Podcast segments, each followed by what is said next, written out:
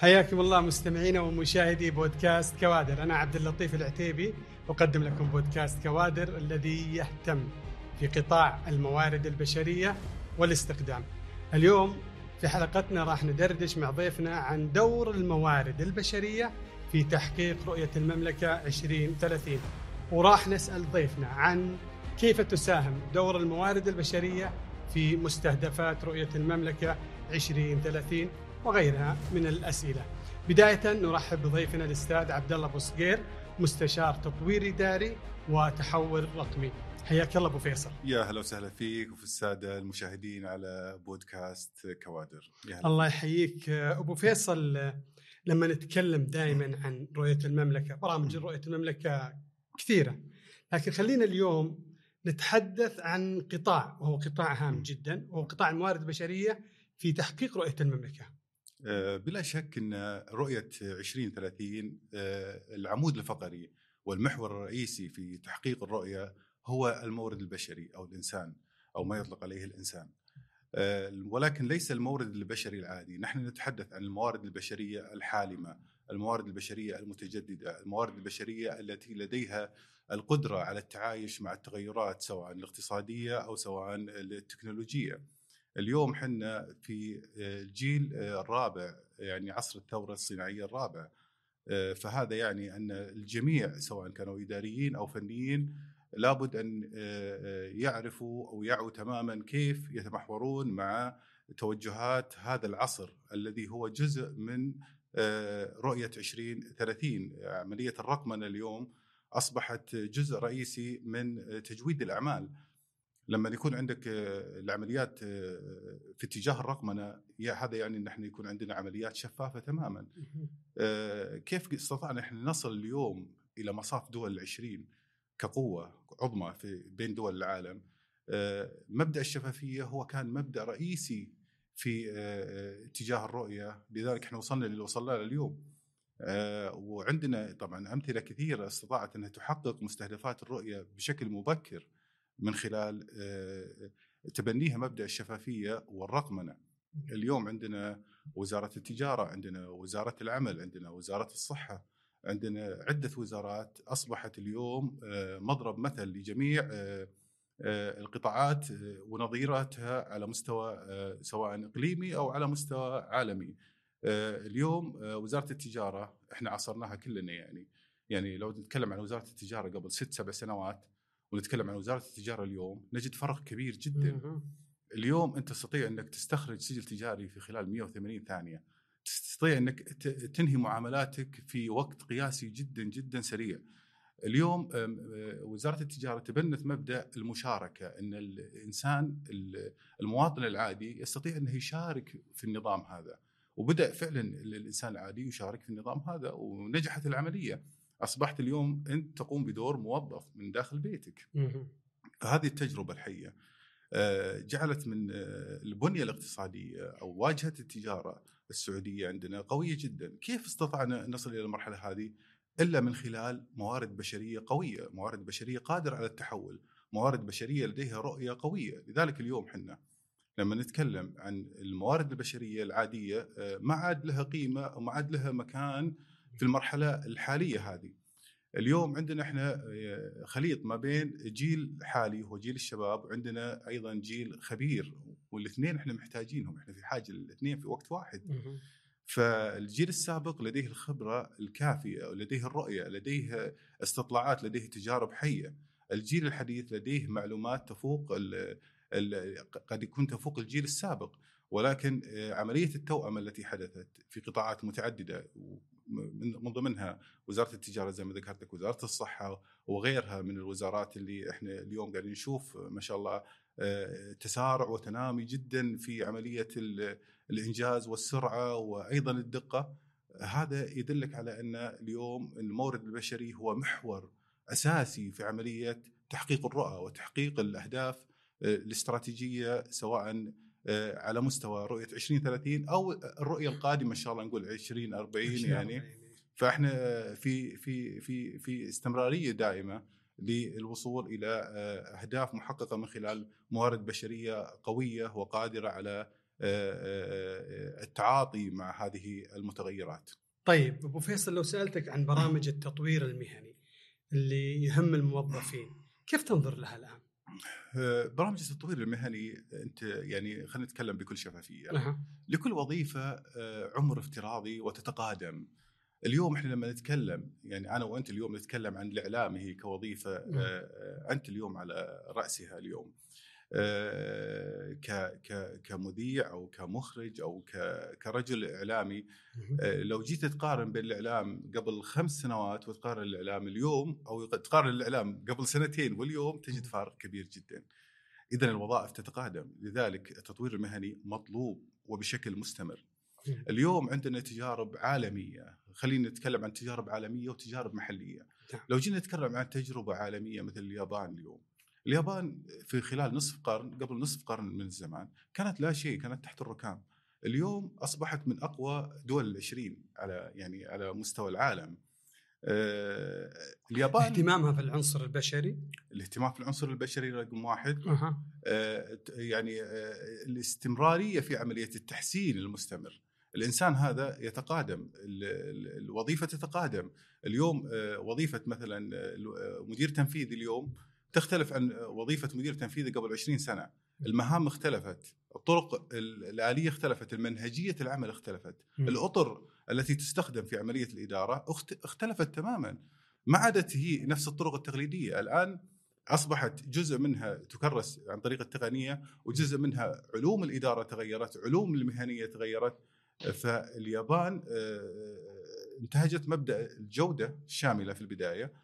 وثبتت مبدأ الجودة. ولكن هل هذا نهائي؟ لا لم يكن بشكل نهائي.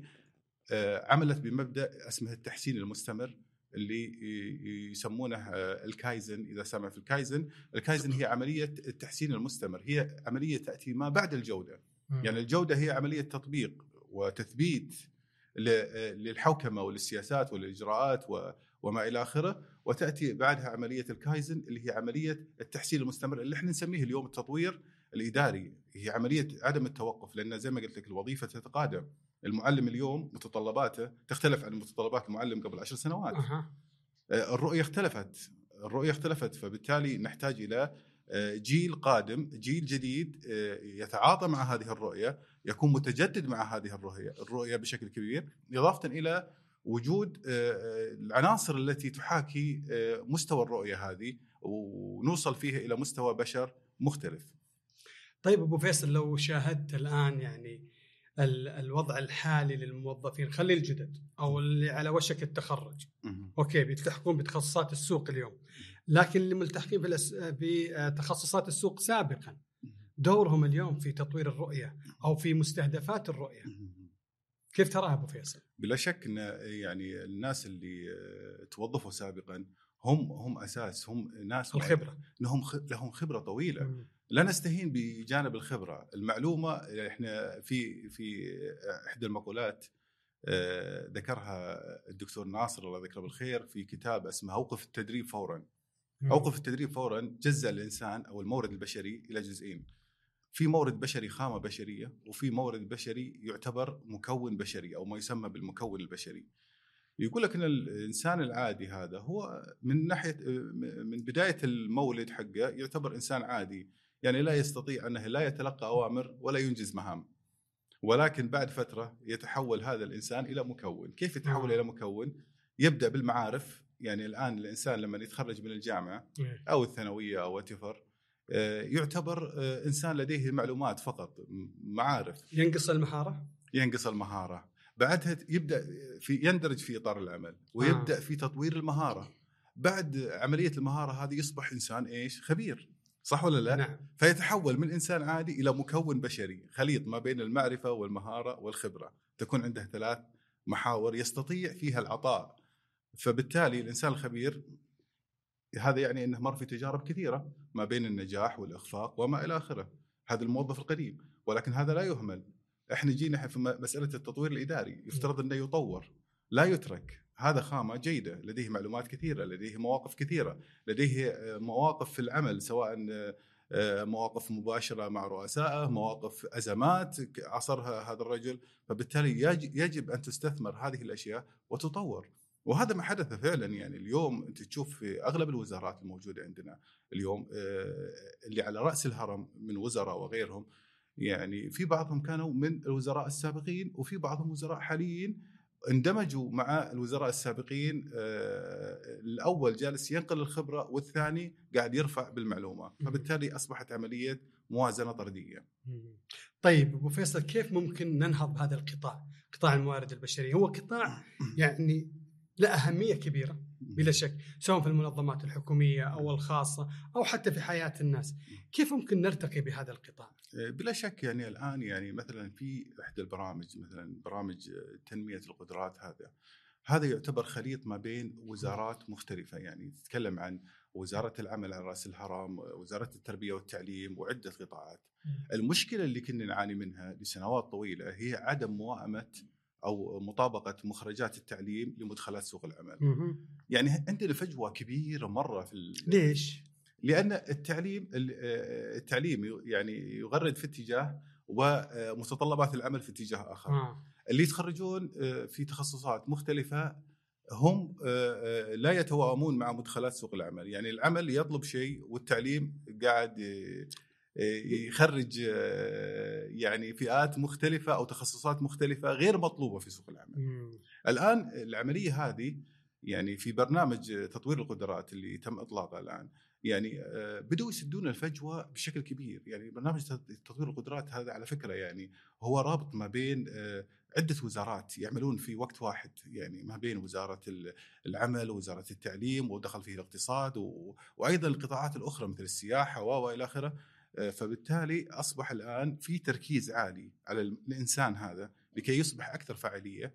بدأ يكون في تركيز على التعليم بشكل كبير. ان إحنا اليوم لابد نضع هذا الإنسان آه، في مصاف الدول، كيف نضع في مصاف الدول؟ نحن آه، نحاول آه، نركز على المناهج العلمية اللي تواكب المدخلات العمل بحيث إن الإنسان يتخرج من هالجامعة هذه أو الكلية أو المعهد الفلاني يجد من يحتضنه، يجد أنه عنده مسار يبدأ يتطور فيه، اضافه إلى صناعة المسارات الآن. أه. في في الثانوية العامة الآن يعني هذا جزء من أيضا برنامج القدرات. يعني برنامج القدرات يهدف إلى ثلاث آه، أجزاء رئيسية. أولها إن إحنا يكون عندنا تعليم متين قوي جدا. رقم اثنين صناعة المسارات التعليمية. رقم ثلاثة لا حدود للتعليم يعني التعليم مفتوح لك إلى آه، من المهدي إلى اللحد بدون بدون توقف. وهذه ولله الحمد تم تنفيذها في البرنامج هذا. المسارات بدأت الآن. المرحلة الثانية حين المفروض إنها تكون يعني أكثر دقة هي التدقيق على المعلمين وتطوير المعلمين بشكل كبير بحيث إنهم يستطيعون إنهم يوصلون إلى مستهدفات الرؤية. اليوم أنا بديت أقرأ في بعض المناهج. حق أولادي مثلا. لقيت إن المناهج الموجودة مناهج قوية جدا حقيقه يعني. وهذه مدارس حكومية يعني ما أتكلم لك عن مدارس أهلية أو أجنبية لا. مدارسنا الحكومية مناهج قوية جدا يعني. تخيلت في البرمجة الآن داخلين في آه، ضايفين لهم بعض البرامج من ضمنها ال Python. ال Python هي لغة الآلة. تسمع عن ال IoT مثلا اللي هي ال Internet of Things اللي هي محاكاة ما بين البرمجة والآلات. كيف تتحدث الآلات هذه مع بعضها؟ هذه جزء من الذكاء الصناعي الآن هي موجودة في مناهج المتوسطة. متخيل انت الكلام آه. هذا؟ أول يعني كانت في الجامعات فقط. والله حتى الجامعات يعني إلا ما تكون متخصص في في الحاسب الآلي. ممكن آه. توصل حق ال ال ال الأشياء هذه أو تأخذها بشكل سطحي. يأخذونها في السنة التحضيرية. في السنة التحضيرية في الأوريا وغيرها ولكن الآن تخيل أنت لك, لك أن تتخيل أن البرامج هذه موجودة في الكفاءة المتوسطة في آه. في, في ثالث متوسط هذا دليل على الاهتمام بالتقنية. الدولة متوجهة بشكل قوي جدا يعني. الآن يعني آه تجاه الثورة الصناعية إحنا الدولة تعي إن إحنا في في زمن الثورة الصناعية الرابعه فما في مجال يعني لأي شخص سواء في أي قطاع كان إنه يبتعد عن آه، التقنية أو يتجه اتجاه آخر غير التقنية، أنت تتكلم عن العصر اللي أنت العصر الحديث الآن هو نعم. متطلب. نعم إحنا عندنا أربع عصور مرينا فيها. مم. يعني العصر الأول هو العصر الآلة البخارية، بعدين آه، اتجهنا إلى عصر الكهرباء، بعدها عصر النفط والآن إحنا في عصر الثورة الصناعيه الرابعه اللي هي عصر تقنية المعلومات أو آه، الذكاء الصناعي.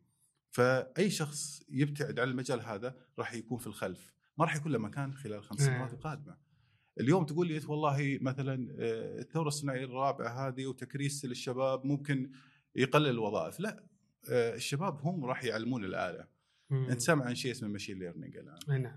يعني من اللي راح يعلم الآلة هذه؟ من اللي راح يقول له والله يسوي العملية. ال operation أو أو يطورها في العمليات الجراحية مثلا أو يطورها مثلا في آه، المباني الذكية أو يطورها مثلا في عملية في إنترنت الأشياء. انترنت الأشياء الآن يمكن شفت تجارب كثيرة يعني من ضمنها الآن أصبحت سوبر ماركت ما تحتاج مثلا وجود كاشير أو ما إلى آخره ولكن من اللي جالس يطور الأشياء هذه؟ هو. إنسان إنسان في. الخلف. هيومن ريسورس يعني موارد بشرية قاعد تشتغل وتفكر وتعلم الآلة وتديرها. لذلك هي ما راح تختفي الوظائف هي راح تتغير. وراح تتغير بعض الوظائف في اتجاه الرؤية. لأن الرؤية تحتاج إلى آه، أن إحنا يكون عندنا يعني ذكاء ذكاء مرتفع تماما لتسريع العمليات. يعني العمليات ما راح تكون بالبطء اللي أنت تتخيلها. إحنا في عصر السرعة الآن. عصر الذكاء الصناعي معناته إنه لازم نكون مواكبين للسرعة. ف... طيب أبو فيصل لو قلنا يعني إحنا نركز على التقنية.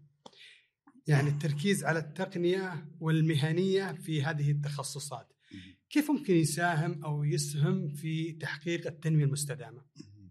يعني بلا شك انه زي ما يعني زي ما ذكرت لك قبل شوي إن الطبيب راح يبقى طبيب والمهندس راح يبقى مهندس و... يعني ما في خوف على ما في خوف على الوظائف هذه كلها ولكن لابد إنه يعمل بطريقة مختلفة. يعني ما. عادت الطريقة الأولى تجدي نفعا. يعني اليوم المورد البشري على أساس إنه يحقق مبادئ الرؤية ويحقق أساسيات الرؤية وركائز الرؤية الثلاث اللي هي لابد يكون عندنا مجتمع حيوي واقتصاد مزدهر ووطن يعني آه، يعني آه، وطن إبداعي لابد يكون عندنا آه، أيضا في العملية هذه كلها لابد يكون عندنا مواطن لديه الحس بالرؤية، لازم تتوائم أفكار هذا المواطن مع اتجاه الرؤية، وبالفعل طبعا هذا هذا الشيء حدث. يعني كلمة آه، سيدي صاحب السمو الملكي الأمير محمد بن سلمان الله يحفظه عندما سئل عن أهم شيء آه، بالنسبة له قال لك المواطن السعودي يعني بشقيه الذكر نعم، والأنثى. صحيح. هذا الشيء يعني لك يعني اهتمام واضح من القيادة ومعرفة تامة من القيادة بأهمية الإنسان والمورد البشري وأنه من خلاله راح نستطيع إن شاء الله نحقق آه، اللي لم يحققه غيرنا والحمد لله استطعنا يعني. استطعنا من تطبيقات كثيرة. تجاوزنا فيها حتى دول.